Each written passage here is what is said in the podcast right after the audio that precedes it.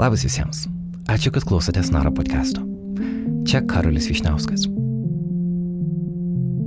Ketvirtadienį buvau Cambridge'e, Harvardo universitete.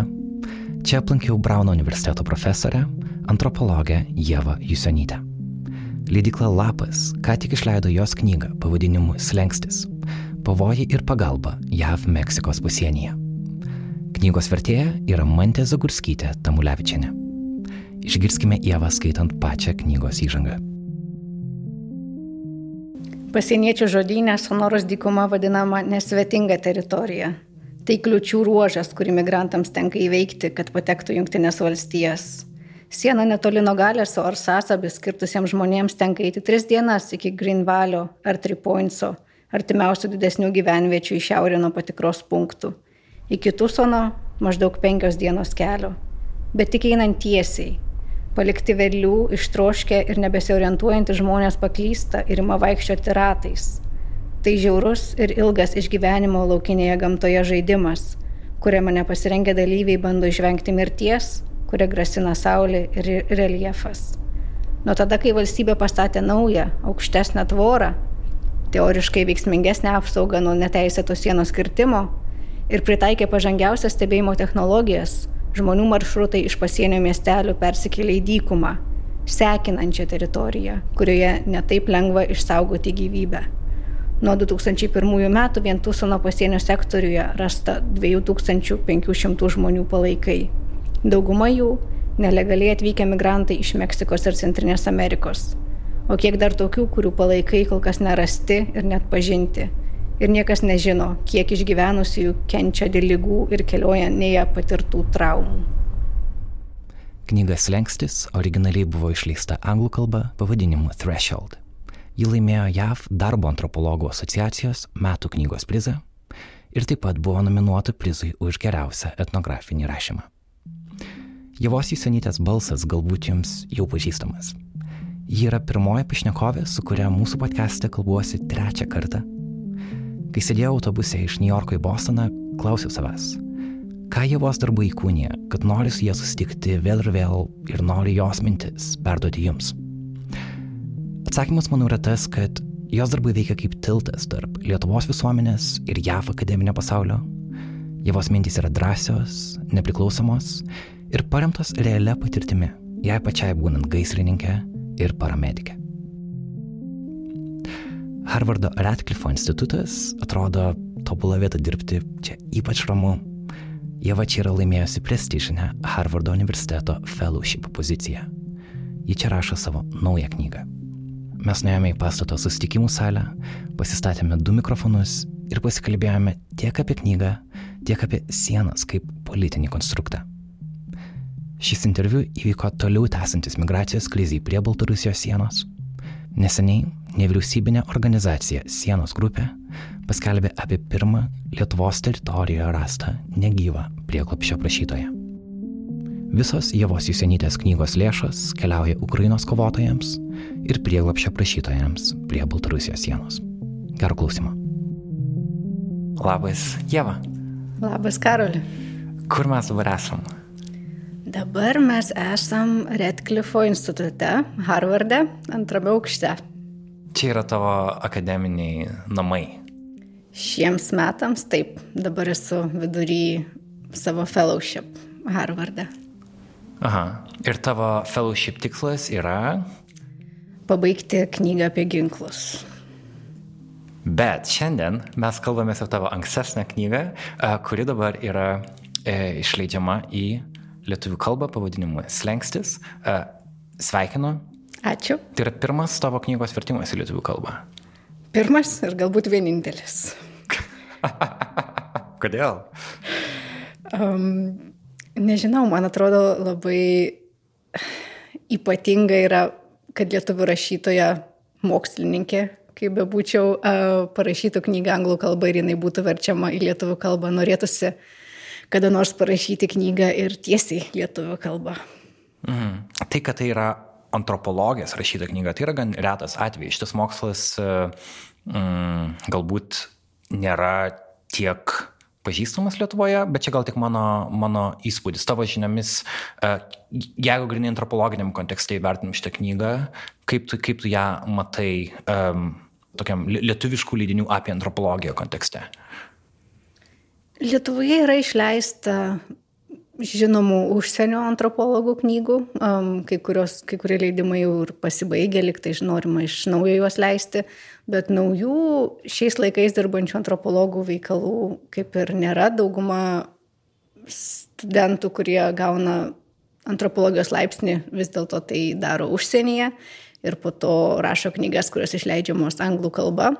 Tai aš tikiuosi, ir ne tik aš tikiuosi čia, gal ir lapo leidyklos tokia iniciatyva, kad bus daugiau paramos ir daugiau noro iš Lietuvos skaitytojų skaityti antropologijos veikalus Lietuvoje. Ši knyga atsirado Ūlos iniciatyva, Ūla Ambrasaitė, kuri yra įkūrėja leidėja uh, lapo. Kažkada mes kalbėjome apie antropologiją ir jinai, jie turi tokią tekst, um, seriją knygų architekstai, pristatė architektūros labai svarbių, išleido, išleido veikalus Lietuvoje. Turėjom tokių pokalbių apie tai, kas yra antropologija, ir antropologija gali mums leisti kažkaip kitaip pažvelgti į labai aktualius klausimus - ekonomiką, politiką. Ir e, jai atrodė, kad taip, ir sakė, leidžiam tavo knygą, ir sakau, ar tikrai, kas ją nori skaityti Lietuvoje. Bet Ula sakė, taip, taip, būtinai leidžiam, duodam paraišką kultūros fondui Tai iš esmės jos, jos iniciatyva, um, jos iniciatyva šita knyga atsiranda kaip um, kvietimas lietuviam, Lietuvos skaitytojams susipažinti su antropologijos tokiais įrankiais, mąstymo įrankiais mums kasdien aktualiais klausimais. Tai šiuo atveju tai daugiau yra apie migraciją, apie sienas, um, bet galbūt kito, kito prieimimo ar sutikimo. Yra tokie klausimai, kur antropologai lyg turi daugiau tų prieigų, kaip apie tai mąstyti ir kalbėti outside the box. Mhm, mhm. Aš atsimenu, kai mes kalbėjomės 2019 metais, tu minėjai, kad antropologinė prieiga, ji tarsi atsisako bet kokio vertinimo. Tai yra, kad tu priimi kultūrą tokia, uh, kokia ji yra, tu nes, nesprendi, ar tai yra ar gerai, kad taip vyksta, ar blogai taip vyksta, bet svarbu pažinti, suprasti, kodėl taip vyksta ir kas vyksta. Ar teisingai suprantu, kai tu sakai antropologinė prieiga, ką tu turėjai minti? Taip, taip, tai nevertybinė ar ne kažkokia normatyvinė um, būtų prieiga, o bandyti suprasti kažkokius, kažkokias papročius, praktikas iš tos vidinės logikos, ką jinai reiškia um, tų žmonių, kurie gyvena tomis tą realybę kasdienio gyvenimo kontekste. Mm. Ir man šis vertimas džiugina tuo, kad uh, tarsi užmesga ryšį tarp tavęs kaip uh, JAV dirbančios lietuvių mokslininkės ir tarsi toks gražinimas, grįžimas atgal, gražinimas kažką iš ten, iš kur tu pradėjai. Tai um, tiesiog atrodo geras, geras precedentas. Man turbūt labiausiai, aišku, knyga dar ką tik išėjo, tik prasideda pokalbėje apie ją ir bus be galo įdomu klausyti, kokie bus skaitytojų atsiliepimai, bet um, iki šiol turbūt labiausiai patikęs, patikusi proceso dalis tai buvo vertimas.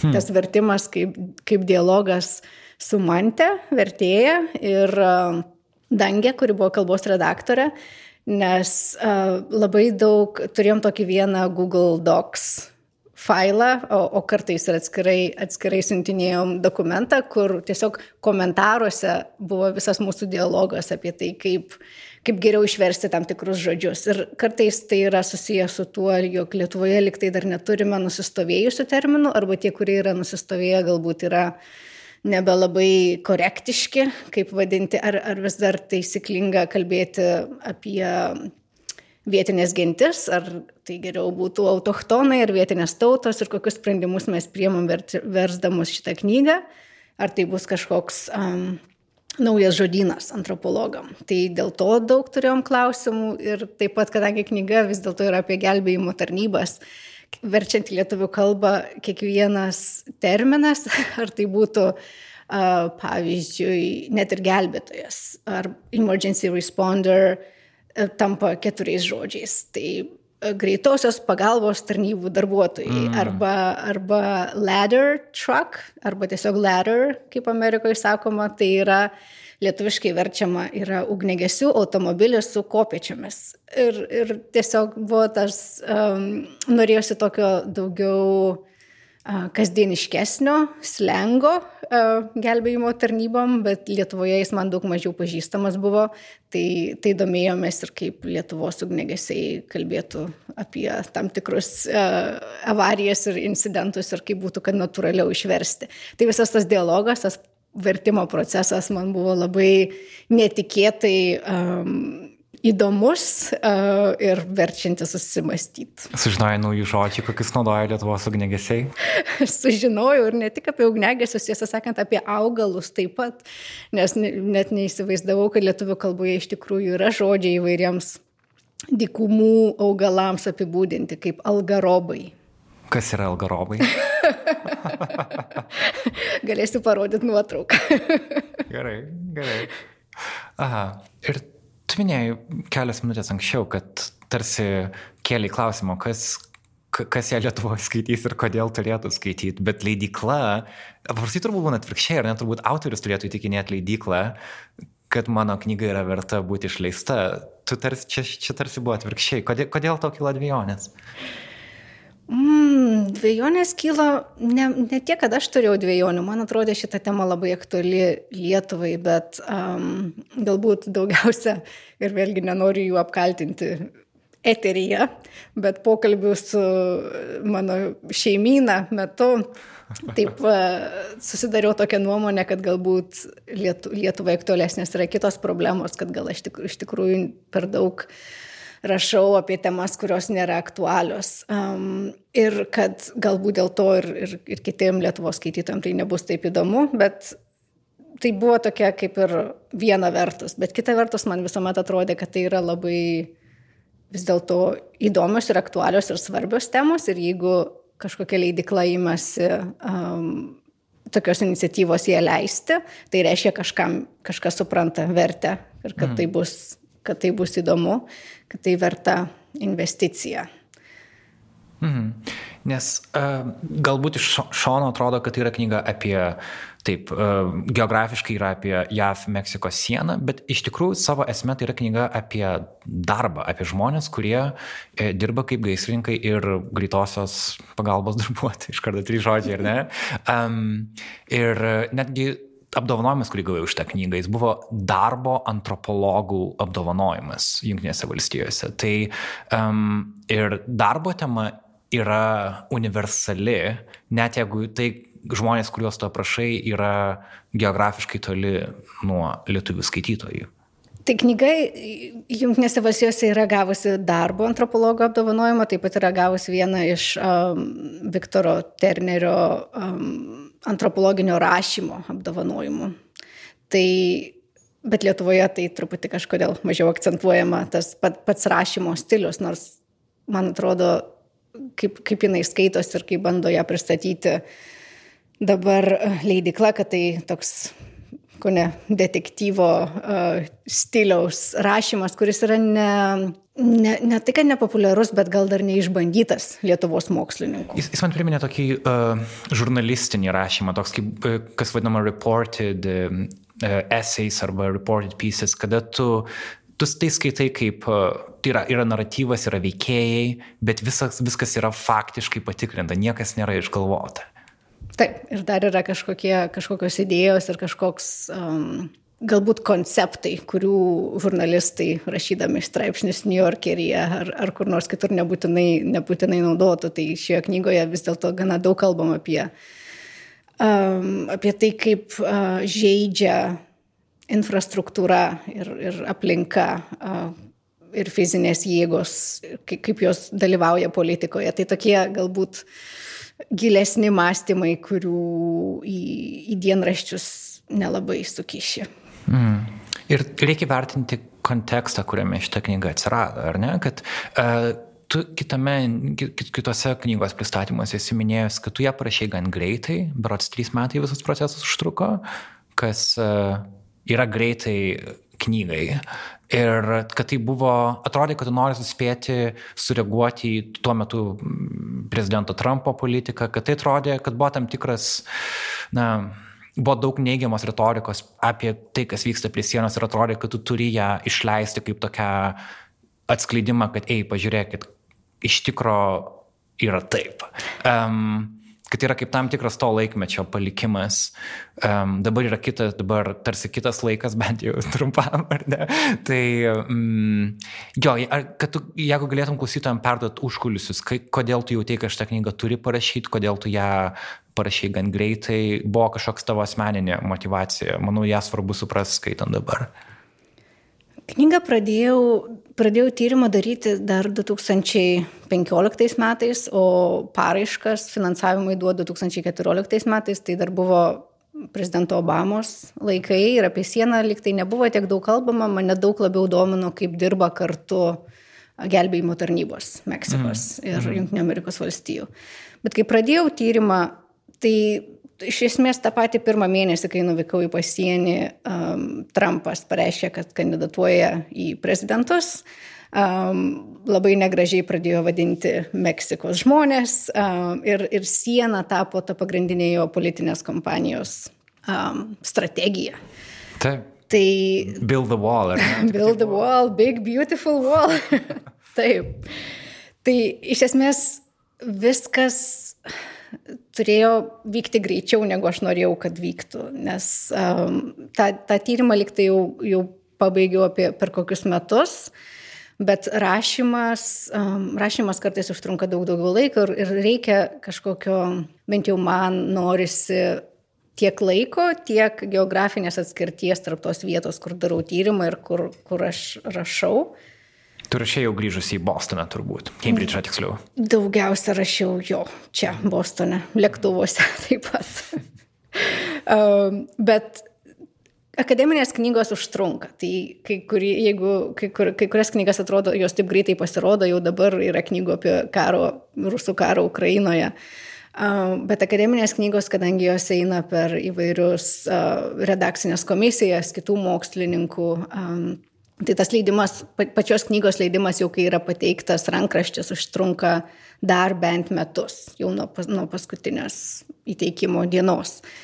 Tai aš iš tikrųjų taip skubėjau, nes galvojau, kad, kad tai, kas yra toje knygoje, kaip buvusi ir tebesanti migracijos politika, kaip jinai neveikia ir kaip jinai ne tik žaloja žmonės, kurie ateina čia dirbti arba prašyti prieglopščio, bet kaip kenkia ir bendruomenėm, kurios yra pasienyje, apie ką taip, netaip dažnai kalbama, buvo kažkokia paspirtis, kuo, kuo greičiau parašyti tas toks žurnalistinis impulsas irgi, kad tai gali paveikti, um, paveikti aktualijas. Mhm. Ir įdomu, kad dabar 2000 jau 23 metais, kai knyga pasiekia skaičius Lietuvoje, mes turim savą sienos kontekstą. Praėjusiu metu vasarą e, Lietuva baigė statyti e, barjerą tarp Lietuvos ir Baltarusijos e, daugiau negu 500 km. Lenkija pasiekė panašių pavyzdžių. Ir sienos klausimas, kuris Lietuvoje tarsi niekada nebuvo labai svarstomas, pernai ir užpernais tapo svarbių klausimų, kada daugiau žmonių norėjo imigruoti, prašyti prieglopščio Lietuvoje. Jeigu mes paimam šituos du taškus, tai yra JAV ir Meksikos siena ir Lietuvos Baltarusijos siena, visiškai skirtingi geopolitiniai kontekstai, bet tuo pat metu tai yra apie žmonės bandančius patekti į saugesnę, turtingesnę erdvę. Ką mes iš to galim išmokti? ar yra kažkokia pamoka tavo tyrime, kurį mes galim pritaikyti šitam lietuviškam kontekstui prie sienos dabar? Pamokų yra, mokytis nenorim. Man atrodo, jau sienų klausimas Lietuvoje buvo aktualus ir prieš septynerius, aštuonerius metus, kai prasidėjo taip vadinamoji migracijos krizė Europoje. Dėl to, kad Lietuva yra ES dalis. Ir jeigu kažkaip mes tuo metu negalvojom, kad tai yra mūsų problema, galbūt problema, jeigu nukeliaujam ilsėtis į Graikiją ir ten yra per daug pabėgėlių arba Lampedūzoje, kažkaip nemanėme, kad tai yra ir mums aktualu, nors esame ES šalis ir dargi esame ES pasienis.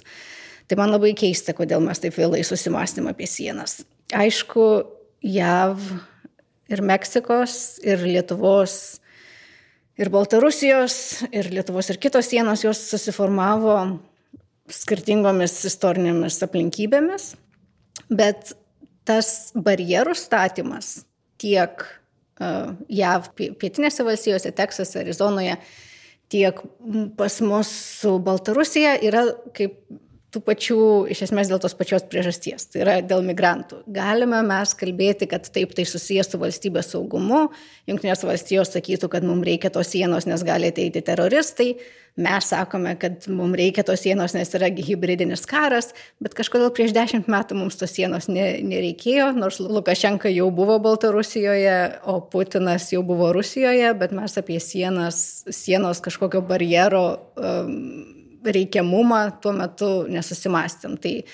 Ar tu sakai, kad jį reikėjo anksčiau tą barjerą pastatyti, ar skaitant tavo knygą, tu kritikuoji barjerą iš principo kaip, um, na, kaip įrankį, kuris sukelia žmonėm kančią ir, ir argumentuoja, kad sienos dažnai yra statomos būtent taip, kad žmonės na, būtų atgrasomi nuo jų perėjimo, bet tie, kurie galiausiai pabando tai padaryti, yra labai didelė rizika jiems susižeis, galbūt netgi numirti. Tai, um, tai ar tu už sienos statymą ar ne? Gal, gal čia ne, aš tikrai ne už sienas. Uh, sienų pasaulyje labai padaugėjo per pastarosius 20 metų ir jos visur yra statomos dėl, dėl migrantų. Tai tas mano komentaras galbūt labiau susijęs su tuo, jog mes gana taip bandome paneigti, kad mes tą sieną statome prieš migrantus. Mes bandome apipinti kitokiais pasakojimais, dėl ko mums ta siena reikalinga, nors labai akivaizdu, kad statome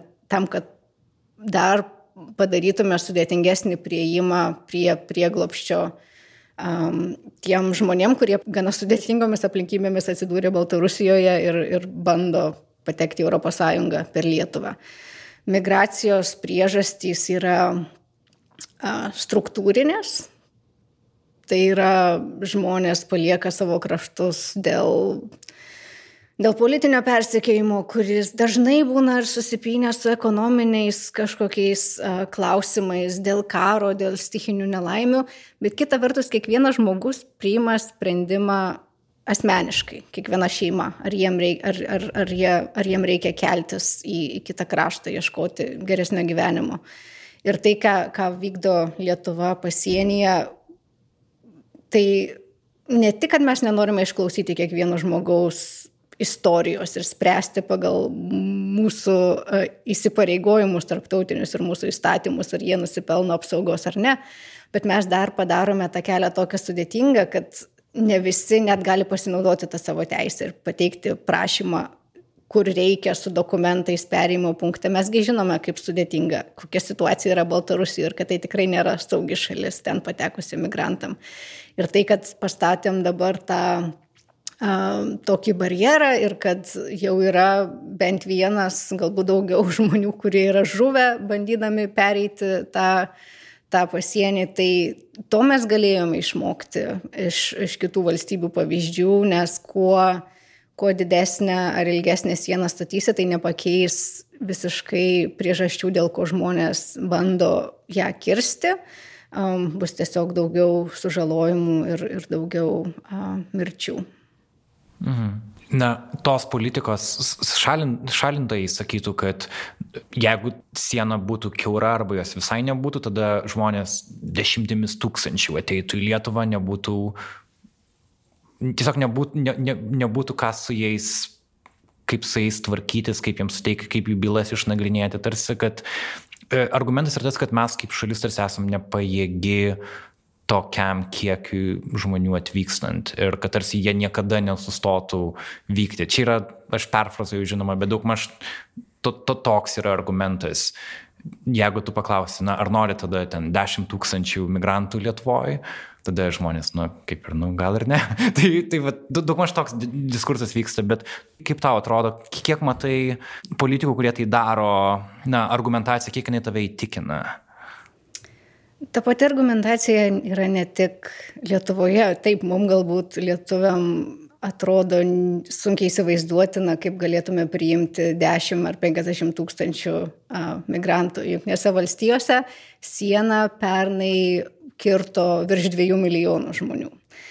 Um, tai taip atrodo labai dideli uh, kiekiai um, žmonių, bet man atrodo, kad radikaliai neapmaščius, kaip juos priimti, mums bus labai sunku rasti kažkokių trumpalaikių sprendimų, nes trumpalaikiai sprendimai neveiks, žmonės ir toliau judės, ypač dėl įvairių tiek klimato kaitos, tiek kitų karinių konfliktų, kurie vyksta pasaulyje. Lietuva yra viena per maža spręsti daugelį tokių problemų.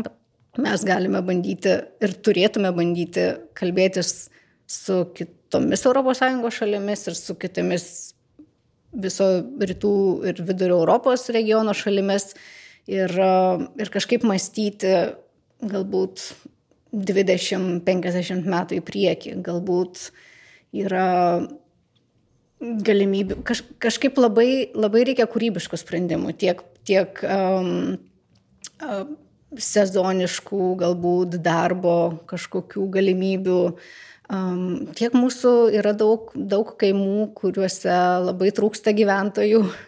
Irgi galima bandyti kažkokias įsivaizduoti bendruomenės, bet svarbu suprasti, kad jeigu mes nenorime priimti atvykėlių, tai tie, kurie pas mus atvyksta, dažnai nelabai, nelabai gerai jaučiasi ir, ir patraukia į kitus kraštus.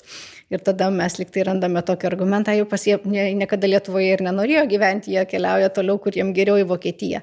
Ar dar kur nors, o kodėl, kodėl būtent jie ten keliauja? Gal dėl to, kad ten yra daugiau galimybių įsidarbinti, gal dėl to, kad ten jų pusbroliai ir tetos gyvena ir tu, gali jie su jais bendrauti, o mes liktai juos izoliuojam ir jie nelabai turi kokių kitų galimybių mokyti savo kalbos. Tai um, aš suprantu, aš suprantu, kad baisu Lietuvai, baisu, baisu daug, daug, um, daug šalių, kurios yra galbūt turi geresnės gyvenimo sąlygas, jų gyventojai, jiems yra baisu. Um, ir atrodo, kad gali jie to netekti, jeigu atsiras daugiau žmonių, bet pastatyti sieną tai nesustabdys tų žmonių noro um, ateiti. Mhm. Jo, um, ir tu da, e, paskelbėjai, kad tu savo knygos uh, surinktas lėšas tu perduosi organizacijoms, kurios dirba su uh, prieglapščio prašytojais Lietuvoje ir taip pat su uh, uk ukrainiečių organizacijom, ukrainiečių kovotojams. Um, gali papasakoti apie šitą sprendimą, kodėl jį priemiai?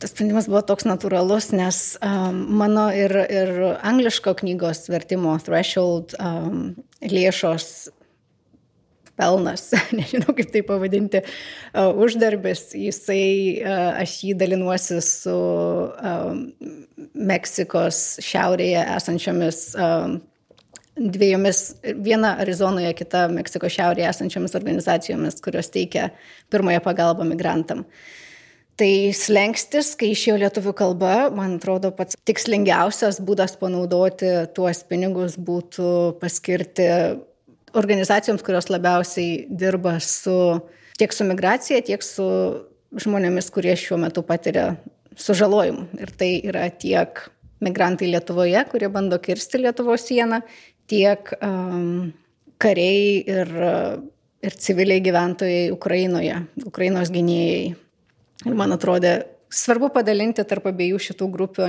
o ne tik vienos, nes negalime sakyti, kad viena problema egzistuoja, o kita neegzistuoja, nes jos abi yra labai svarbios. Mm, mm. Nežinau apie tai, kad tavo ankstesnės knygos lėšas, pelnas ėjo, e, organiza... tebeina turbūt organizacijoms. Ten tai yra mm, tam tikra tavo pozicija kaip mokslininkės, kad tu turi tarsi gražinti duoklę tą tai istorijai iš kurios tu, na, tam tikrą prasme kuries ir savo karjerą, savo vardą. Taip, um, kaip akademikė, kaip mokslininkė, man atrodo, aš ne tik noriu rašyti knygas, kurias skaito kiti mokslininkai ir skaito studentai ir skaito publiką, bet noriu ir pakeisti tą situaciją, kuri man atrodo sudėtinga ir neteisinga. Tai, tai atrodo toks kaip ir pats logiškiausias sprendimas yra pasidalinti ir, ir, ir tuo pelnu su organizacijomis, kurios kažką daro labai konkrečiai. Aš manau, kad tai, tai, tai teisingas ir gal netoks ir dažnas požiūris, nes yra tam ir žurnalistikoje apie tai daug diskutuojam, kad yra, na, tu tarsi pasiemi kitų žmonių istorijas tam tikrą prasme savo, savo naudai, ar ne, savo kartais tu gali iš, tarkim, dirbti su kažkokia socialinė tema ir iš tos istorijos publikavimo uždirbti pinigų, kurie galbūt niekada nepasieks tų žmonių, apie kuriuos tu rašai ar kuriuos fotografuoji. Tai įsivaizduoju, kad antropologijoje tu su panašiais klausimais susiduri irgi. Labai panašiais ir dauguma antropologinių knygų nėra be galo pelningos, tai mes nekalbame apie milijonus ir net uh, ten kokias ne, dešimtis tūkstančių dolerių, tiek daug dėja kol kas nėra. Bet ir, ir to, čia nėra toksai kaip ir quid pro quo ar tiesiog atiduoti kažkokią pelno dalį tiem patiems žmonėm, kurie, kurie sutiko duoti interviu ir kurių kiekvieno gyvenimo dalyje aš dalyvavau, bet labiau organizacijom, kurios dirba su tomis temomis ir problemomis. Tai nėra toksai kaip ir tiesioginis um, net nežinau, mokėjimas, nes kaip, ypač žurnalistikoje tai galbūt yra toks didesnis etinis klausimas, ar galima dalintis. Tai, um, tai šiuo atveju nelabai ir yra, nes tai nėra tie konkretūs žmonės, kurie dalyvavo mano projekte, o suslenkščių iš viso nei nei organizacijos kaip Sienos grupė ar, ar, ar kitos, kurios dirba su Ukrainoje, jos neturi nieko bendro su mano tyrimu, bet kita vertus turi labai daug bendro, nes situacijos, su, kurios, su, su kuriomis susiduria pagalbos teikėjai, vis dėlto turi labai daug panašumų. Ir kaip anksčiau tą klausimą uždavėjai, ar paminėjai apie darbą, darbą, kad tai yra tokia kaip ir bendra tema, man, man vis dėlto vis dar um, negaliu pasakyti, kad skaudžiausia, bet labai gaila, kad, kad ta, tas knygos aspektas nesulaukia tiek daug dėmesio, kad vis dėlto tai, tai yra apie gelbėtojų darbą.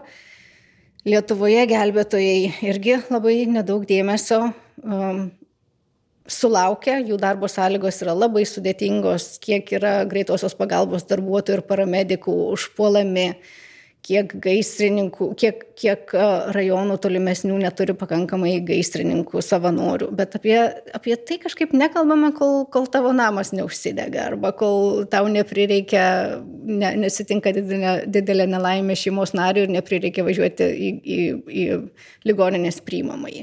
Bet, bet tie žmonės, kurie visą laiką būdi ir suteikia mums kasdieną tokią saugumo jausmą, kad jeigu ką galime skambinti pagalbos telefonu, apie juos pačius mes labai nedaug žinome. Ir man labai norisi, kad šita knyga juos pasiektų ir su jais apie tai pakalbėti. Mhm.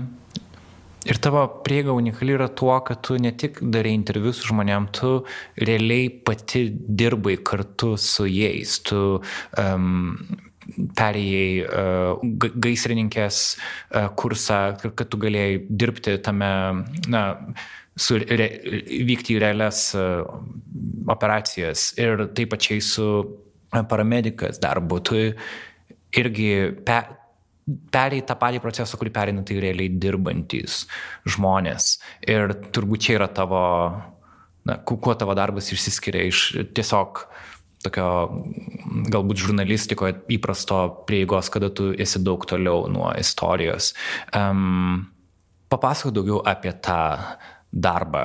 Um, kas, ir dabar jau praėjo nemažai metų nuo jo, ką, ką tu iš to laiko prisimeni ir dabar, kada tavo dienos yra čia ofise, tiksliau, tai yra nuostabi akademinė aplinka, bet čia yra totali ramybė, čia yra visiška tai, taika, bet tu atėjai iš visiškai kito pasaulio kuriuom buvo daug daugiau adrenalino, streso. Tiesiog gali klausytojus gražinti truputį tą laiką, kad mes suprastumėm, iš, iš, iš kur tu ateini su šitą knygą? Ugnegėse aš pradėjau savanoriauti čia pat, Kembridže, prieš dabar jau daugiau kaip dešimtmetį. Tai čia buvo mano ištakos, aš vis dar atpažįstu hidrantus ir kiek, koks vandens būtų srautas iš kiekvieno. Um, ir vėliau tapau paramedikė Ir tik vėliau pradėjau rašyti šitą knygą. Tai iš esmės. Pala, kodėl, kodėl tau tai buvo įdomu? Kodėl tu Bostonė pradėjai savanoriauti ugnegesystai? Um, kodėl? Todėl, kad aš užaugau labai bijodama gaisrų ir taip pat adatų, bet gaisrų labai bijojau. O kodėl tu bijojai gaisrų? Nežinau, Freudas gal galėtų pasakyti. Ai, bet nebuvo taip, kad jūsų namas būtų užsidegęs ar kažkas. Mūsų namas nebuvo užsidegęs, buvo pasakojimai kažkokių gerų šeimos draugų buvo užsidegęs namas ir jie visko neteko, tai galvoju, gal man kaip mažam vaikui tai paliko labai didelį įspūdį ir baimę, kad gali užsidegti. Um, ir taip jau nutiko, kad bebijodama tų gaisrų ir bedarydama kitą disertacijos tyrimą Argentinoje, um, prisiglaudžiau gaisrinėje. Nes neturėjau daugiau kur eiti, buvo bais, bais, baisas graustinis ir žaibai ir galvojau, kad gaisrinė bus saugiausia vieta man išgyventi tame mažame miestelėje, kur dariau savo doktorantūros tyrimą. Ir atsiradus gaisrinėje, um, jau pažinojau gaisrinės viršininką šiek tiek, nes aš rašiau pirmą savo darbą apie žurnalistus, tai mes su žurnalistais eidavom interviu iš gaisrinės vadovų, policijos vadovų, iš visų, tai kaip ir juos jau pažinojau. Čia darbas, darėjai Pietų Amerikoje, ar ne? Taip, Argentinos ir Paragvajos pasienyje. Mhm. Ir kai prisiglaudžiau nuo tos audros gaisrinėje, jisai pasakė, taip žinoma, gali čia pasilikti naktį, bet gali šokti į gaisrinės automobilį ir padėti šitai komandai, turime evakuoti gyventojus iš ten kažkokio rajono, kur, kur pradėjo potvinis, prasidėjo. Tai taip staiga per vis, vieną tą naktį aš nustojau, ne tai, kad nustojau bijoti gaisrų, bet supratau, kad jeigu mano dėmesys yra sutelktas į pagalbą kitam žmogui, Ir jeigu esu komandoje žmonių, kuriais pasitikiu, kuriem, kur, kuriem galiu patikėti savo gyvybę, tai man niekas nebebaisu. Ir kažkaip tas jausmas buvo toks stiprus, tas darbas komandai ir kažkoks praktinis darbas. Kad kai grįžau rašyti savo disertacijos čia į Bostoną, sėdėdavau įvairiose kavinėse prie lango su laptopu, rašiau, rašiau bet kiekvieną kartą, kai pamatydavau pro langą pravažiuojantį gaisrinės automobilį su, su savo sirenom, man netgi toks iš karto būdavo noras bėgti ten. Tai galvau, nu gerai, niekada nežinojau, kaip, nei kaip tapti ugnegėse, nei kokius mokslus reikia baigti, bet žinojau, kad, kad to noriu. Hmm, kas tave traukia tame? Um, man atrodo, toks bendražyg, bendražygių komandą. Viena. Antra, tai kad sugebėjai veikti tai, kol tas baimės, kurių labiausiai bijai. Ir trečia, turbūt ir tai, kad sugebi padaryti tai, ko niekada neįsivaizduoji, kad gali padaryti.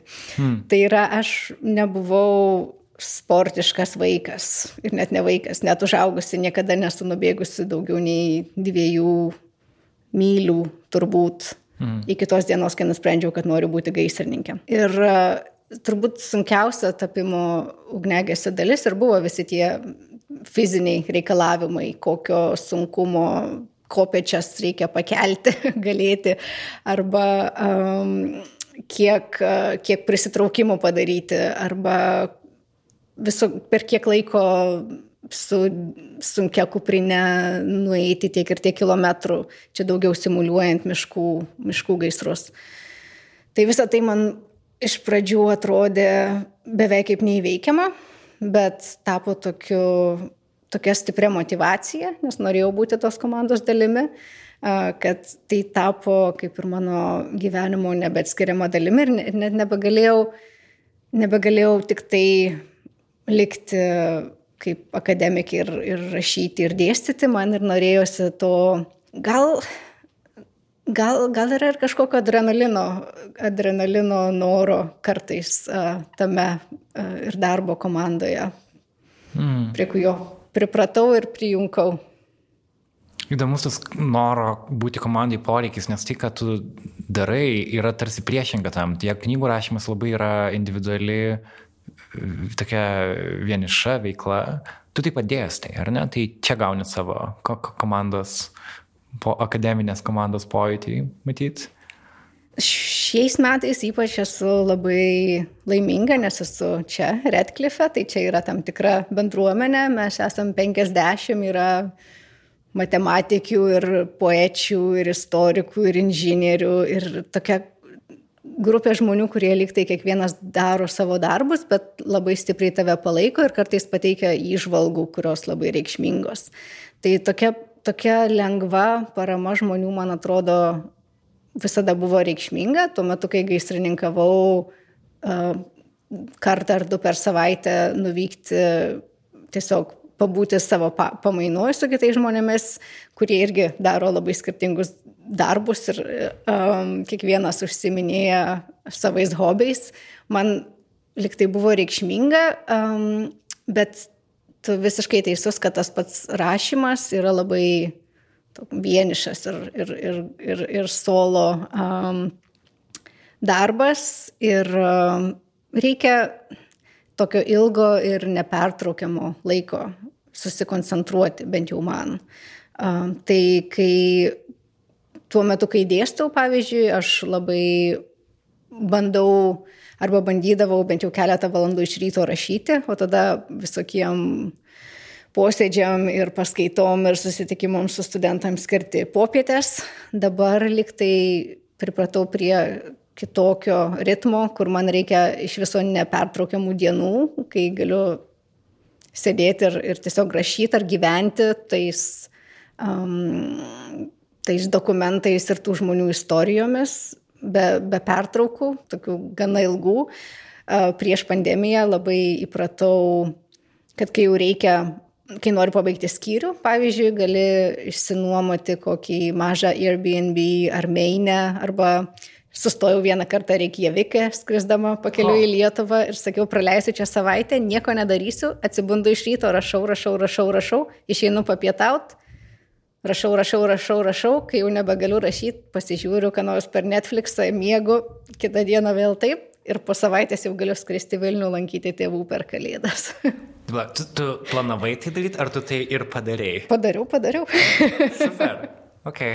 Visą antras, antrą, antrą knygos skyrių visą baigiau Reikjavike. Wow. tai tu rašiai apie JAV Meksikos pasienį, būdama kažkur Islandijoje. Tu, tu. Man šiaurėje labai gerai sekasi rašyti, nors tyrimus darau visur, kur karšta pietuose.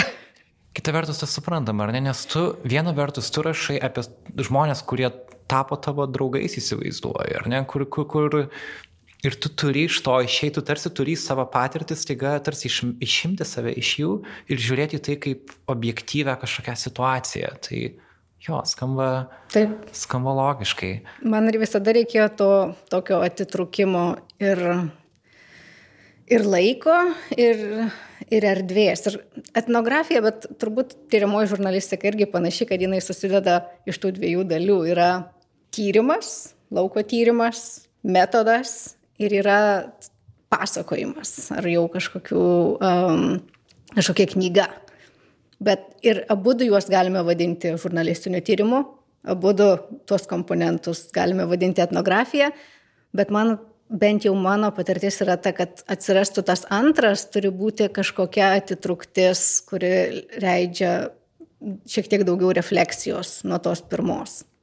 Tai man visuomet reikėdavo išvykti iš pasienio, kartais užtekdavo tiesiog į kokį nors pakelės viešbutį nuvažiuoti, šiek tiek atitrūkti nuo, nuo tos kasdienybės uh, savaitgaliui, kad galėčiau, kad galėčiau kažką rašyti.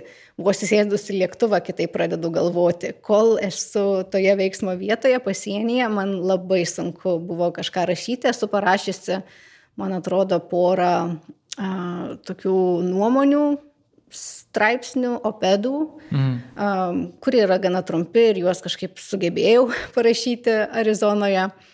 Bet visam kitam reikėjo to, tos atitrukties, reikėjo sugrįžti į Bostoną, reikėjo važiuoti kur tamsu ir šalta ir lyja ir sninga, kad galėčiau rašyti apie tai, kaip yra karšta dykumoje. um, dar sugrįšiu prie to, bet tik, kad klausytojams aiškiai perduočiau ir pats teisingai suprasčiau, tai tu uh, buvai gaisrininkė Argentinoje? Pradėjau savanoriauti Argentinoje. Argentinoje, tada Bostone ir tada, prie, ir tada Arizonai. Floridoje. Ir Floridoje. Tada Arizonai. O paramedikė buvai? Para... Bostone baigiau Emergency Medical Technicians kursus, tai toks kaip būtų greitosios pagalbos technikas, galbūt labiau elementarūs trijų mėnesių kursai. Floridoje baigiau paramedikų mokyklą, tai buvo pusantrų metų. Mm. Mm -hmm. Ir, ir tu esi tokia keistoj, poz, poz, labai neįprastoj, įsivaizduoju netgi tavo kolegom, ne iki galo suprantamai, nes viena vertus, tu esi lygia vertė kolegė, tu, perė, tu esi kvalifikuota, bet taip pat tu turi ekstra misiją. Jie, jiems tai yra darbas, kuo jie gyvena, už ką jie mm, nusperka valgyti. Tavo atveju tikrasis tavo darbas prasideda išėjus iš ten, ar ne? Kad kaip, kaip, kaip tai išbalansuot, kad to nepaversti tiesiog savo kažkokio filmo na, turiniu, nes vis dėlto tu darai realų, tai yra žmonių, žmonių gyvybės, ar ne? Tu negali, tai nėra kažkoks tiesiog nuotykis. Kaip tu tarp to išbalansavai? Tai kurį laiką aš tiesiog paskirdavau tam tik, bandžiau taip sukompartmentalizuoti savo gyvenimą, kad kai kuriuom dienom jį skyriau vien savo akademiniai veiklai, o kitas dienas skyriau um, savo, savo, savo veiklai kaip savanoriai uh, greitoji pagalboj ar, ar gaisrinėje. Ir bandžiau tas dvi savo gyvenimo dalis laikyti gan atskirai iki iki tol, kol pradėjau rašyti slengsti ir daryti šitą tyrimą. Kurį laiką, kai, kai tiek čia, kai baiginėjau doktorantūrą Bostone, tiek kai dirbau Floridos universitete keturis, keturis metus, tos mano kolegos universitete net nežinojo, kad aš esu paramedikė. Tuo metu neturėjau tenure, nenorėjau niekam sakyti, kad kartais praleidžiu posėdžius, nes turiu pamainą gaisrinėje. Ar rimtai, tai tai buvo tavo tokia Paslaptis. Mano paslaptis, taip.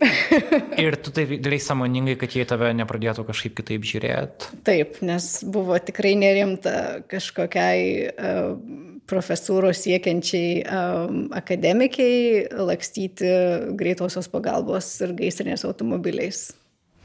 Mhm. Man tai atrodė labai cool. bet bet uh, kolegos nesuprato. Vėliau suprato, kai kurie. ok, na, bet įsivaizduoju, jie turėjo džiaugtis knygą, plus čia knygos istorijos yra tik iš Arizonos, ankstesnės buvo tavo toks tarsi pasiruošimas tą tam, kas galiausiai pateko į knygą. O taip, ir vėliau jie pradėjo labai džiaugtis, kai suprato, kad kažkas posėdžiuose dėstytojų moka, moka daryti širdies masažą ir dirbtinį gaivinimą. Ir šiaip yra gana naudinga turėti tokią, tokią kolegą. Esi kam nors išge išgelbės gyvybę? Hmm, tikiuosi, kad taip. Esam išgelbėję žmonių, bet atsimenu labiau tuos, kurių neišgelbėjom. Netgi taip. Tuos, tuos beveik visus atsimenu, kurių neišgelbėjom. Hmm. Jo, ir tada turbūt visas tas, ką mes kalbėjome anksčiau apie sienos politiką, tai iš tokios teorijos tampa labai, labai, re, labai realų, re, realių dalykų. Taip, ir dauguma visus migrantus, kurie buvo sužeisti, su kuriais, apie kuriuos rašiau slengstyje ir tie, kurie nepateko į, į knygą, visi, visi, visi tie žmonės išgyveno, taip jie turėjo kojų lūžius ar, ar buvo susidūrė turbūt su labai ilgalaikėmis inkstų problemomis po to, kai, buvo, kai, kai patyrė dehidrataciją dykumoje, bet, bet jie tą, tą savo kelionę um, išgyveno. Bet dykumoje vienas žmogus, kuris žuvo, buvo gaisrininkas, kurio mums nepavyko išgelbėti. Mes darėme, um, jisai, jisai buvo buvęs veteranas, karo veteranas JAV, kuris norėjo persikvalifikuoti ir tapti gaisrininku. Ir buvo dykumoje egzaminas, kuris turėjo su labai sunkia kuprinė, turėjo nueiti per 45 minutės, dabar neprisimenu, kiek, kiek mylių, mes visi turim tuos, tuos tokius testus atlikti. Vadinasi, raudonos kortelės testas. Jį visi, visi gaisrininkai, kurie dabar gaisrus gesina Kalifornijoje, Arizonoje ir visose kitose um, regionuose, kad gautų federalinį tą statusą, gaisrininko turi pereiti. Tai jisai to egzamino metu suklupo, mes jį dikumoje, mes jam darėm dirbtinį gaivinimą virš valandos. Pagal visus principus tiek žmogus negalėjo išgyventi, bent jau dikumos sąlygomis. Ir tiek ilgai niekada nedarome širdies masažo, bet negalėjome nustoti, nes jis buvo vienas iš mūsų. Atskrido sraigtasparnis, bet jis jo į ligoninę gabeno, ligoninė buvo bent dar bent po, už poros valandų kelio nuo ten, kur mes buvom, tai jis būtų ligoninės nepasiekęs. Um, ir buvo labai toks labai skaudus įvykis, apie kurį slengsti aš ir, ir nerašiau, um, nes dar ir nežinau, kaip apie tai, apie tai galvoti.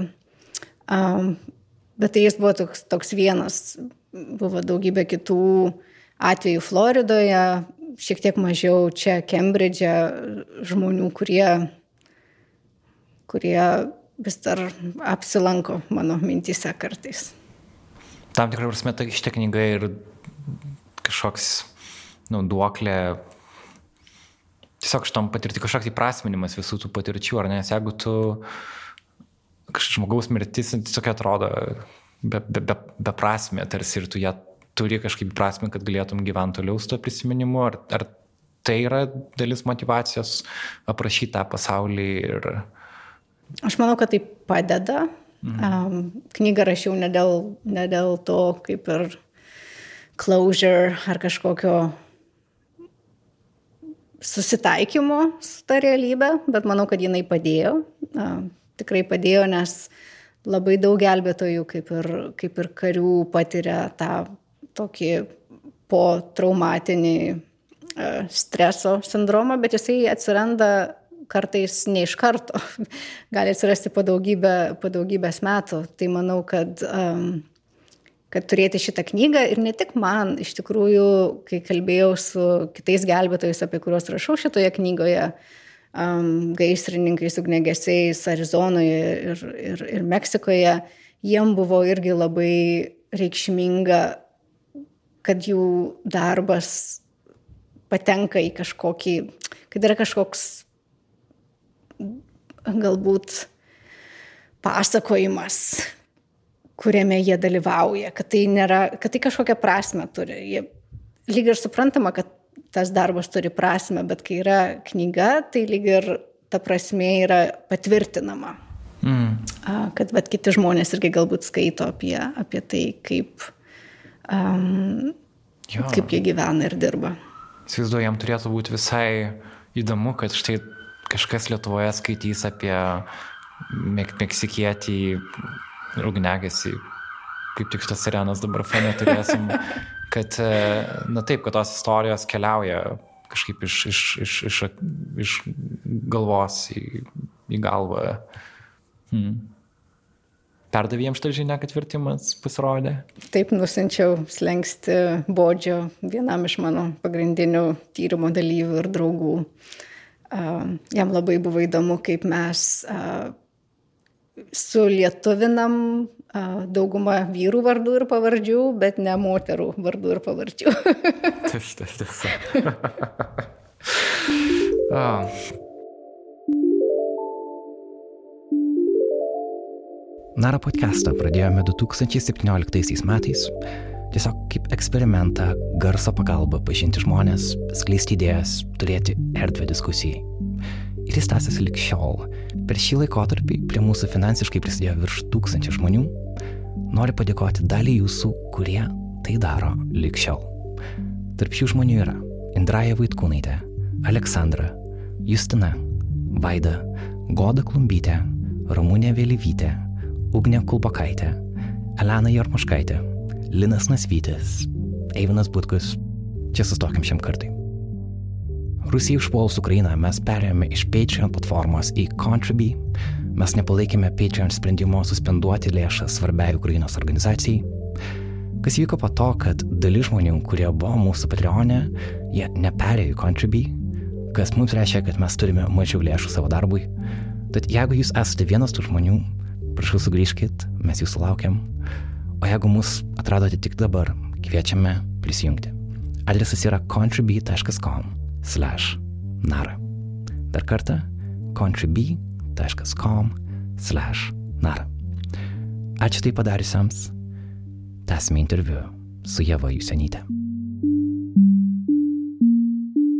Aš turiu dar keletą tokių grinai praktinių klausimų, kurie dabar nuėjęs iki šitą interviu vietą, kur nuėjom gal kažkaip netgi juokingai skamba, bet jeigu mes kalbėjom apie darbą, gelbėtojų darbą, man įdomu pažinti ir tavo kaip mokslininkės darbą, nes taip šiek tiek tų detalių atskleidai, kad tau svarbu yra patekti į kitą erdvę, kažkaip e, būti tame tokiai, e, kad erdvė labai lemia turbūt kaip tavo smegenys veikia, ar ne, bet e, gali daugiau atskleisti tiesiog kaip tu, kaip tu dirbi, nes parašyti knygą yra, reikia kažkokios savidisciplinos, reikia nėra taip, kad tu turėtum kažkokį redaktorių virš savęs, kuris, kuriam tu būtum tu realiai skaitinga esi pati savo. Kaip, kaip, kaip, kaip, kokią tu tai kažkokį santykių su savimi esi padarius, kad, kad tu pasieki rezultatą? Hmm. Na, erdvė iš tikrųjų labai svarbi, būtinai dideli langai, kaip, kaip čia mes turim didelius langus uh, tam pačiam rašymo procesui, bet jis labai priklauso nuo kurią knygą rašau. Ir man atrodo, mano ta rutina galbūt keitėsi. Pirmąją savo knygą aš iš esmės rašiau netgi būdama gaisrinėje kartais. Um, antrąją knygą, kuri buvo apie gaisrinę, negalėjau jos rašyti gaisrinėje, turėjau, kaip ir minėjau, nuo, nuo gaisrinės kuo labiau atsitraukti. Uh, Man sekasi geriau rašyti ir galvoti iš ryto. Esu ryto žmogus, dėl to keliuosi penktą valandą, bėgu pabėgiot. Um, bėgiodama neklausau muzikos, galvoju apie knygą, dažnai, būna, jeigu kokia kažkokia sunki vieta, uh, ar nežinau, kaip išspręsti problemą, tai pabėgiojus keturias ar šešias mylės, priklausant nuo metų laiko, sugrįžus namo, dažniausiai žinau, kaip išspręsti tą problemą ir ką toliau rašyti. Dabar jau keturias, keturias šešias mylės, ar ne, prieš tai minėjai, kad dviejų mylių anksčiau nenubėgdavai. O taip, dabar jau laisvai. Um, uh, tai taip ir po to man, man niekada nebuvo labai sunku vienai dirbti ir ne, nereikėjo kažkokių kad kas, nors patikrintų, ar kažkam aš esu atskaitinga, kai kurie žmonės bando skaičiuoti, kiek žodžių ar kiek laiko praleidžia rašydami, aš dažniausiai rašau iki, iki pietų. O po pietų bandau daryti ir rašau išsijungusi internetą ir tiesiog telefoną, negaudama jokių žinučių, kad būt, būčiau susikaupusi toje, toje erdvėje. Ir kartais, kai, kai rašyti pasidaro labai sunku, tada man reikia vėl pajusti iš tikrųjų, kodėl aš rašau ir apie ką rašau, ir tada pasidaro atvirkščiai negu tai, ką pasakojau. Tada skrendu kokiai savaitai atgal į pasienį arba į Meksiką, pabūti ten, kad vėl pajausčiau, pajausčiau tą vietą, pabūčiau su tai žmonėmis, suprasčiau, kodėl aš tai darau ir tada grįžus atgal jau lėktuve galiu, galiu rašyti. Tai kartais tokių, tokių įkvėpimų reikia. Um, rašydama tiek slengsti, tiek, tiek dabar, dabar naują knygą man, kadangi jau šiuo metu aš ne, nebesavanoriauju gaisrinėje ir greitojo pagalboje, man labai trūksta kažko, kažko tokio kažkur išlieti savo energiją ir netgi tų keturių, šešių mylių nepakanka. Dėl to pradėjau dar prieš pandemiją lankyti kovos menų treniruotės. Šiuo metu, šiuo metu mokusi boksą. Hmm. Ir tai labai padeda po ilgos rašymo dienos. Tai kada buvo paskutinis kartas, kada tu buvai gai, ugnegas, ugnegas gaisrinės automobiliai? Gaisrinės automobiliai aš buvau rūpiučio mėnesį, nes kai, kai vykstu atgal į, į pasienį, tai pasienyje um, tiesiog aplankau vėl visas gaisrinės ir visus draugus ir jie mane vežioja gaisrinės automobiliais, bet gaisrinė, gaisrininkė. Misijoje galbūt. Aha. Taip, misijoje nesu buvusi nuo 2000. 17 gal ha. metų dėl greitosios pagalbos irgi dėl greitosios pagalbos truputį kitaip, nes šiuo metu kiekvieną vasarą grįžtu į, į Arizonos pasienį ir Meksikoje savanoriauju kaip paramedikė migrantų klinikoje. Hmm. Tai kaip ir visus metus nuolatos to nedarau, bet, bet tiesiog važiuoju sezoniškai savanoriauti ten. Aha. Ir migrantų klinikoje darbas irgi yra kaip būsimo projekto dalis, ar tai yra tiesiog tavo, tavo duoklė? Tiesiog tai, ką darau, ne, nebėra jokio projekto dalis. Ta, ta migrantų klinika, aš apie ją rašau slengstyje, man atrodo, paskutinėme skyriuje, aš ten tuo metu ir pradėjau savanoriauti ir vis dar, vis dar grįžtu ir jie ta, būtent tai klinikai ir atiduodu dalį, dalį pajamų threshold. Ta klinika labai išaugo dabar, labai padaugėjo migrantų, kuriem reikia um, pagalbos, bet, uh, bet jinai puikiai veikia. Šiuo metu mes netgi medikai turi atskirą kambariuką, kur daugiau yra privatumo uh, suteikti pagalbą žmonėm. Anksčiau turėdavom tai daryti toj bendroji salėje, kur buvo visi um, kur kiti migrantai valgė, o tiesiog buvo toks bendras kambarys, dabar yra daug geresnės sąlygos. Tai ten važiuoju vasarą ir per pandemijos metu, kai, kai atsirado vakcina, tuomet savanoriavau su Providence ugnegesiais, kurie, kurie skiepijo, skiepijimo, masinio skiepijimo kampanijoje. Tai tokius darau labiau ribotus um, dalyvavimus su tomis žiniomis, bet jau, jau nebe, nebe, nebe kiekvieną savaitę. Prisimeni kažkokių specifinių istorijų iš šitos klinikos? Iš uh, Meksikos klinikos. Aha. Šią vasarą, kai uh, šią vasarą buvo gana liūdna, nes daugiausia žmonių, kurių, kuriuos priėmėme klinikoje, buvo šeimos su vaikais. Tai yra atsimenu pati, pati pirmoji, kuri tą rytą atėjo, buvo moteris, kuri kalbėjo tik tai labai, labai nedaug ispaniškų žodžių te mokėjo. Jis buvo iš Gvatemalos, buvo iš um, MAM, uh, Majų uh, tautos ir buvo su trim, trim mažais vaikais. Um, ir jie visi jiems ar skaudėjo gerklę, turėjo, turėjo peršalimo požymių, tai lyg ir nebuvo kažkokios labai sunkios uh, jų, jų sąlygos, bet jie tiesiog jų, jų buvimas ten ir jie buvo labai laimingi, kad jau atkeliavo iš Gvatemalos per visą Meksiką ir dabar ta klinika yra pasienyje, pačiam pasienyje, pro, jeigu atidarai, atidarai duris, gali matyti tą bjaurę, bjaurę tvorą, kuri juos skiria nuo Junktinių valstijų, kur jie keliavo. Tai jie buvo labai pavargę ir išsekę, bet labai laimingi, kad taip toli jau, jau nuėjo. Kaip tu manai, kiek tavo požiūrį į... Tai, tai ką diskutavom anksčiau apie pačias sienas, apie migraciją, kiek šitie realūs susidūrimai su gyvai žmonėmis ir jų individualiom istorijom, kiek tau padėjo tą teoriją tiesiog pajausti.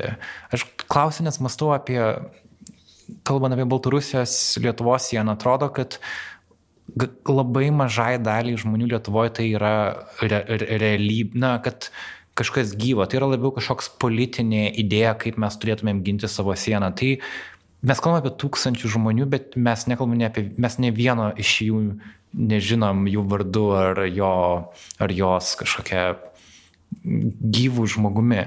Ir kiek, kiek tau tie realūs susidūrimai padėjo kažkaip nežinau, įtvirtinti savo požiūrį, kažką naujo išmokti, kiek tas elementas yra svarbus? Man atrodo, jis tai kritiškas ir, ir man atrodo, kad tai nėra toks didelis skirtumas tarp Lietuvos ir Junktinių Amerikos valstijų. Ir čia žmonės, kurie niekada nėra buvę pasienyje ar nesusidūrė su migrantais, ar negalvoja, kad jie nesusidūrė su migrantais. Nes migrantų pilna ir Kembridže, bet kažkaip žmonės moka juos izoliuoti nuo tų politinių temų.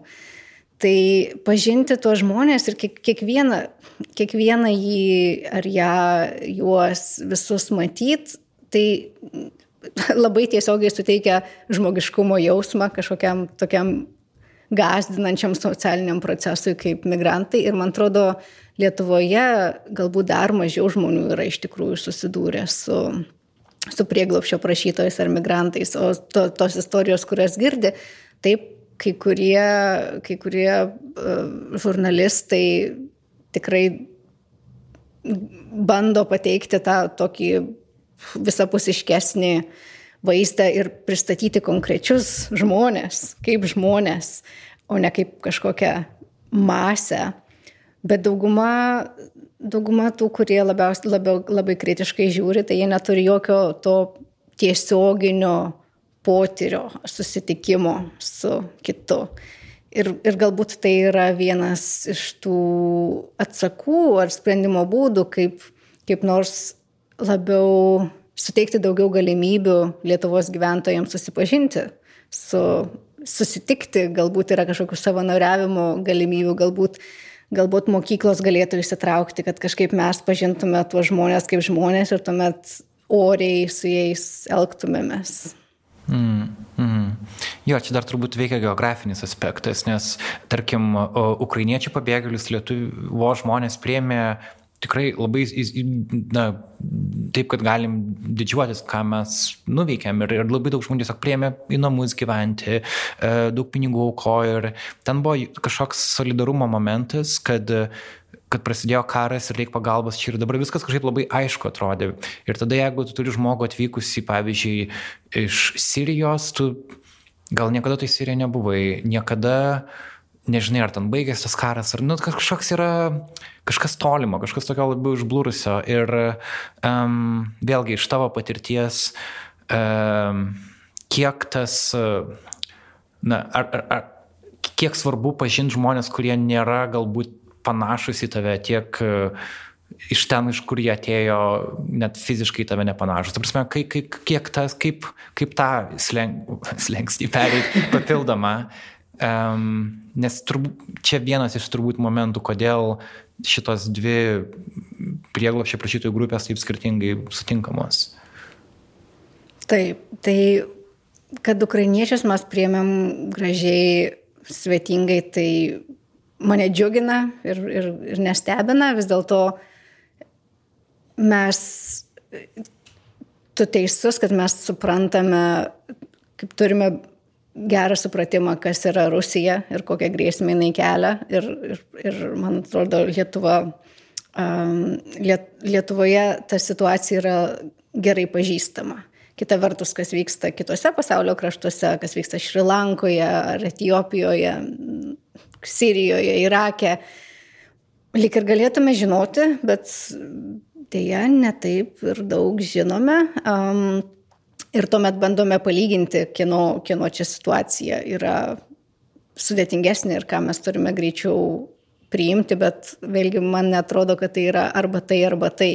Mm. Kad kiekvieno žmogaus situacija yra kitokia ir kiekvieno žmogaus aplinkybė skiriasi ir kiekvieno žmogaus istorija skiriasi ir kiekvieną žmogų turime priimti kaip suprasti, išklausyti kaip, kaip individą. Bet taip, taip iš principo, o kaip tai padaryti, kad, kad veiktų visuomenės lygmenių, man atrodo, pamažu veiks šiaip ar taip, nes mūsų Lietuvos visuomenė irgi atvirėja ir galbūt atsiras daugiau, daugiau įvairovės ir daugiau įvairių um, grupių ir, ir pamažu, galbūt, gal, galbūt labiausiai mums reikia laiko, galbūt tiek daug laiko neturim, tai reikia pagreitinti tą uh, atvirumo procesą, bet kaip tai padaryti nežinau, nes tu, tu labai teisingai pasakėjai, kad mano, net, net ir kai, kai parašiau šitą knygą arba kai pasakodavau savo šeimos nariam apie migrantus, kuriuos sutinku pasienyje, jiems jie atrodydavo puikus žmonės Bet tai todėl, kad iš manęs girdėdavo apie jų istorijas ir galbūt dėl to, kad jie buvo taip toli, bet kažkodėl taip, taip atvirai nebuvo mąstoma apie migrantus Lietuvos pasienyje. Jau aš noriu užbaigti klausimą, kurį aš tau uždaviau uh, mūsų 2019 metų interviu. Aš, man buvo labai tiesiog juokinga pačiam iš savęs, kad aš galvoju, ko aš noriu tavęs paklausti. Ir tada aš perklausiau mūsų interviu iš tada ir supratau, kad aš lygiai to paties dalyko klausiu tavęs. Bet aš vis dar noriu paklausti, nes jis dar yra svarbus. Tai yra, e, gebė, tai yra apie tokį išlaikymą balanso, kada tu esi kritiškas visuomeniai, kurios dalimi tu esi, bet tuo pat metu tu esi kritiškas, nes tau jį rūpi. Kitaip tariant, šitas, pažiūrėjau, jeigu žiūri tavo darbus apie uh, JAV sienos politiką, jie yra labai kritiški sienos politikai, ar ne? Dar ką mes kalbam apie Lietuvos migracijos politiką, irgi ją kritikuojam, bet tuo pat metu e, mes jos, kaip pasakyti, mes norim kažkaip, kad ji būtų geresnė, nes mums rūpi šitą visuomenę, kurioje esam. Ir e, ką tu minėjai tame ankstesnėme interviu, man atrodo, buvo dalis rakto į atsakymą, kodėl mes gal, kodėl kartais gali žmonėm atrodyti, kad ta kritika nėra kažkokia geranoriška, nes tavo buvo mintis, kad Lietuvoje gal žmonių santykis su pačia valstybė yra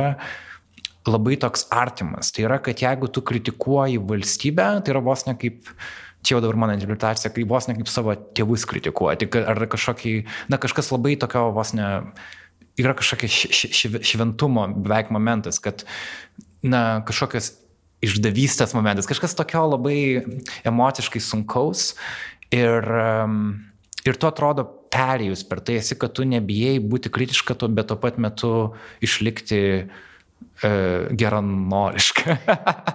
ir man įdomu, kaip tu iki ten nuėjai ir visų pirma, apskritai, ar tu susitinki su šitą interpretaciją ir kaip galbūt paskatinti žmonėm nebijojimą būti kritiškiam savo patiem, paties kieme Lietuvoje, nes aš kaip žurnalistas jaučiu, kad kartais man, man sunku tą daryti, nes atrodo, kad, kad aš kažkaip einu prieš kitus, nors mes tarsi visi kartu tame esame. Čia sustos. aš net nežinau, kaip galima kitaip. Kaip galima nekritikuoti to, kas tau rūpi? Ne, kitaip yra tiesiog nekreipdėmėsio. Ir tiek, turbūt taip. Tai jeigu nekreipi dėmesio, tai tada tau nerūpi jeigu tau rūpi, tai kreipi dėmesį ir kritikuoji lygiai. Čia analogija gal ir ne visai teisinga, bet savo šeimoje, kai vaikus auklėjai, taigi auklėjai. tai yra nebijai kritikuoti.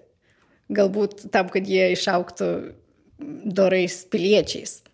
Bet kuo labiau, kuo labiau myli žmogų, su, tai taip galbūt, galbūt prieimi tokį, koks jis ar jį yra, bet taip pat yra ir konstruktyvi kritika. Tai um, na, Junktinėse valstijose dabar jau gyvenu beveik 17 metų. Ji, ši šalis man rūpi. Šiemet, tiesą sakant, sukanka pirmi metai, kai galiu aplikuoti pilietybei. Hmm. Ir dar nenusprendžiau, ką darysiu, dėl to, kad galbūt šie metai tam ir skiriami, suprasti, kas yra namai, nors nemanau, kad kada nors galėsiu atsakyti šitą klausimą, ar pasirinkti, kas yra namai. Lietuva man irgi labai rūpi. Ir, ir kol, kai negaliu pasakyti, kad man abi šalis labai rūpi ir abiejose noriu balsuoti rinkimuose ir spręsti ar dalyvauti demokratiniuose procesuose, tiesiog nelabai žinau, kaip, kaip tai padaryti. Dėl kritikos aš turėjau šiokių tokių abejonių, Ypač a, pradžioje, kai knyga dar tik pasirodė, aš a, tuo metu dar nebuvau nuolatinė JAV gyventoja, tai turėjau eiti per visą tokį labai žeminantį procesą. Tapti, legalizuotis Junktinės Amerikos valstijos yra be galo žeminantis procesas, tave tikrina nuo tuberkuliozės ir sifilio ir daro visokius egzaminus, kurie, nežinau, likę nuo XIX amžiaus. Uh, Um, ir tavo likimas liktai priklauso nuo, nuo savivalės kažkokio biurokrato. Tai tuomet, kai, kai Trumpas buvo prezidentas, man buvo gana baisu, ką nors parašyti Twitteryje, ką jis galbūt netyčia vienas iš milijono galimybių pastebėtų ir, ir jam nepatiktų. Bet mane labai įkvėpė tuo metu studentai, ypač studentai, kurie patys, kaip Junktinės Amerikos valstijose neturėjo dokumentų, tų oficialių dokumentų, kurių tėvai daugel, daugelis nebuvo, ne, neturėjo teisės būti šalyje ir jie ne, nebijojo. Jie netilėjo, jie kalbėjo garsiai, nebuvo kažkokio kažkokio nerimo, kad, kad geriau apie tai nekalbėti, kaip tik mūsų, kuo mūsų daugiau ir kuo garsiau kalbėsim, tuo bus geriau. Ir tai mane, tai mane įkvėpia ir kartu kaip ir paskatina susimastyti, kokioje šalyje aš noriu gyventi. Ar tokioje, kur, kur galiu pasakyti, ką aš, ne, ne, ne tiesiog savo nuomonę, bet kuo aš tikiu, kokios yra mano vertybės ir kokios yra išvados iš mano jau dešimt metų darytų tyrimų, kuriomis irgi nori, norisi pasidalinti su visuomenė. Tai, mhm. tai lyg ir taip. Mhm, mhm. Bet jeigu kalbant apie tą aspektą dėl visuomenės kritikos JAV ir visuomenės kritikos Lietuvoje, man atrodo, kad čia kritika valdžiai, sakykime, yra, jos yra daugiau, nes galbūt ta valdžia yra toliau. Lietuvos atveju mes visi labai susiję ir dažnai tai tampa asmeniška ir um, čia galbūt yra atsakymas, kad, toks, kad mažesnėje visuomenėje tai veikia truputį, na, nėra tiek daug erdvės kažkokiam kritiniam diskursui susiformuoti, nes gal mes visi labai susiję. Ir galbūt ne tik susiję, man atrodo, mes visi ir labai išsigandę. Tai yra mes um, Ne, negaliu sakyti, kad jaučiamės nepilnaverčiai, nes mes labai labai jaučiamės, um, mylim savo valstybę ir, ir kad ją turim, labai ją didžiuojamės. Bet tas didžiavimasis mes manom, kad tam, kad jie galėtume didžiuotis, negalime juos kritikuoti ir negalime kalbėti kažkokiamis jautriomis temomis, nes tai gali būti panaudota prieš mūsų valstybę ar kažkokių mm. viduje esančių priešų, ar galbūt kitų regione esančių priešų, kurie galėtų išnaudoti tą mūsų neidealumą, tas mūsų trūkumus. Ir dėl to vengiam diskutuoti jautriomis istorinėmis temomis. Ši mano knyga išeina um, karo Ukrainoje metu, kai klausimus, tokius klausimus kelti, kas yra valstybė arba kaip sienos kinta, atrodo šventvagiška, kaip taip galima tokius klausimus kelti, kai mūsų egzistencija yra pastatyta um, ant, uh, nežinau, kai mūsų egzistencija abejoja, uh, abejojama. Bet man atrodo, kad jeigu mes vengsime tų temų, tai kaip tik tos temos gali būti panaudojamos prieš mus. O jeigu mes atvirai jomis kalbėsime, tai iš to mokysimės ir būsime stipresnė pilietinė visuomenė. Tai taip, kad suvokai, kad valstybė yra socialinis konstruktas, tai nereiškia, kad tu nori kažkaip atsisakyti jos, ar tu supranti, kodėl jie egzistuoja ir turbūt jinai veikia daugumą iš mūsų, bet jo, gal tokio supratimo, kad iš tikrųjų na, viskas yra vos ne tik žmonių susitarimas, bet iš tikrųjų taip yra. Tai... Nu, yra, taip, taip, bet ir mes labai vertinam šitą susitarimą. Ir, taip, ir, ir verta jį ginti, tai nereiškia, kad suvokti, kaip dalykai veikia, nereiškia, kad tu juos tada atsisakai. Jo, turbūt, aš net nežinau, kodėl, man tiesiog atrodo svarbu tai kažkaip perduoti žmonėm, kurie klauso, nes tikiu, kad daug kas yra galbūt panašioje, panašioje situacijoje ir tavo, mm, tavo kaip tame giliau esančio žmogaus nuomonė, aš manau, manau yra svarbi. Uh, ačiū tu jau labai už tavo laiką ir mm, tokį geronoriškumą uh, mūsų žurnalistikos atžvilgiu, kad skiri laiko ir, ir, ir apmastai. Labai labai vertinu ir labai to ačiū. Tau labai ačiū už jau trečią interviu. Yeah.